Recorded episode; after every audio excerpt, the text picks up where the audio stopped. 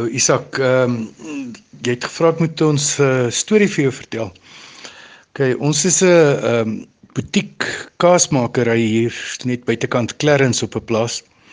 En ehm um, ons het 'n restaurant in 'n deli en dan maak ons kaas wat ons verskaf aan heelwat delis en restaurante op uh, verskeie plekke in die land.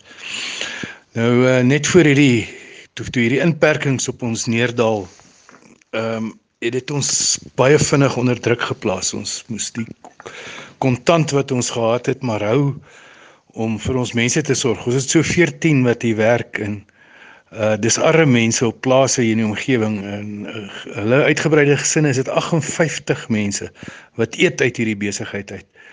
En ehm um, ons prioriteit was maar om hulle aan mekaar te hou. Nou ehm um, baie skielik het, het ons mark natuurlik opgedroog maar uh, en een van ons groot korporatiewe kliënte het ons nie betaal nie. Wat uh, wat ons toe nou onder druk gesit het en ons moes produksie stop. Nou alhoewel ons as 'n voedselprodusent nog steeds as 'n noodsaaklike besigheid beskou word was dit nou nie vir ons moontlik om enigsins aan te gaan nie. Ehm um, toe moes ons nou maar 'n plan maak. Uh ons het toe maar begin met crowdfunding en op 'n uh, GoFundMe 'n bladsy gestig en uh die ding maar op die sosiale media begin sit. En ek het maar gedink, weet uh daar was 'n paar duisend mense al hier deur die plaas hier afgelope jaar.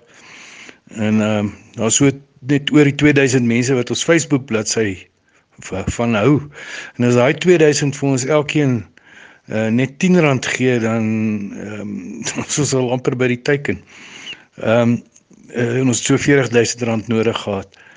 Maar ehm uh, in elk geval ons het begin en baie vinnig het uh, mense begin geld skenk. Ons het 'n uh, 'n uh, 20% afslag voucher gegee dat as mense ons besoek dat hulle afslag kan kry hier wanneer ons weer oopmaak en dan het ons dan ook ehm um, cheese hampers uh, wat die mense vooruitkoop en dan sal ons dit nou wat ons oopmaak weer lewer. Goed, uh ons het toe gistermiddag laat ons teiken bereik en ehm um, en ons kan uh nou weer begin produseer. Maandag maak ons fabriek skoon en maak gereed en teen Dinsdag is ons weer in produksie.